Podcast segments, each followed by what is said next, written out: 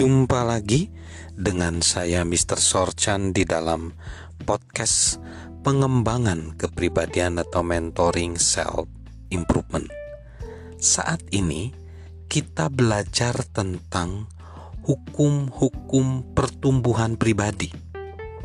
Dan kita masuk ke hukum yang kedua yaitu hukum kesadaran. Kita harus mengenal diri kita supaya dapat menumbuhkan diri kita sendiri. James Russell Lowell berkata, "Tidak seorang pun dapat menghasilkan hal-hal yang luar biasa jika ia tidak tulus sepenuhnya dalam menghadapi dirinya sendiri." Pada tahun 2004, Adam Sandler dan Drew Barrymore membintangi film komedi berjudul Fifty First Dates 50 kencan pertama. Kisahnya adalah tentang seorang pria yang jatuh cinta kepada seorang wanita muda hanya untuk menemukan bahwa wanita tersebut tidak mengenalinya keesokan harinya. Sesungguhnya, wanita itu tidak dapat mengingat apa pun sejak ia mengalami kecelakaan mobil setahun sebelumnya. Ia ditakdirkan untuk menjalani kehidupan setiap hari seolah-olah itu adalah hari sebelum kecelakaan terjadi.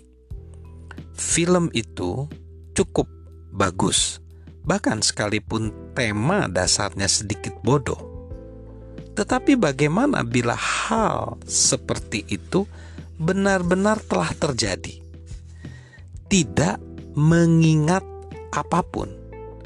Ada sebuah kasus psikologi saraf di mana seseorang yang memiliki kondisi serupa pertama kali dicatat pada tahun 1957 serta telah dipelajari oleh ribuan dokter dan peneliti. Pasien tersebut bernama Henry M. Ia lahir di Hartford, Connecticut pada tahun 1926 dan ia menderita sejenis epilepsi yang begitu parah serta melemahkan sehingga ia tidak dapat berfungsi normal. Pada usia 27 tahun, ia menjalani bedah percobaan di mana bagian-bagian otaknya dibuang dalam upaya untuk mengobati epilepsinya. Kabar baiknya adalah setelah operasi tersebut, ia tidak lagi menderita serangan kejang-kejang yang melemahkan. Yang melemahkan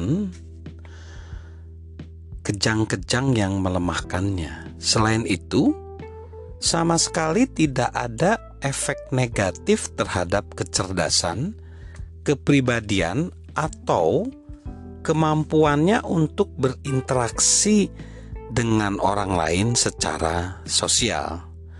Namun, ada satu efek samping yang mengerikan ia nampaknya tidak lagi memiliki ingatan jangka pendek. Henry M. tidak dapat mengingat apa pun yang terjadi setelah tindakan pembedahan tersebut. Ia tidak mengenali dokter-dokternya.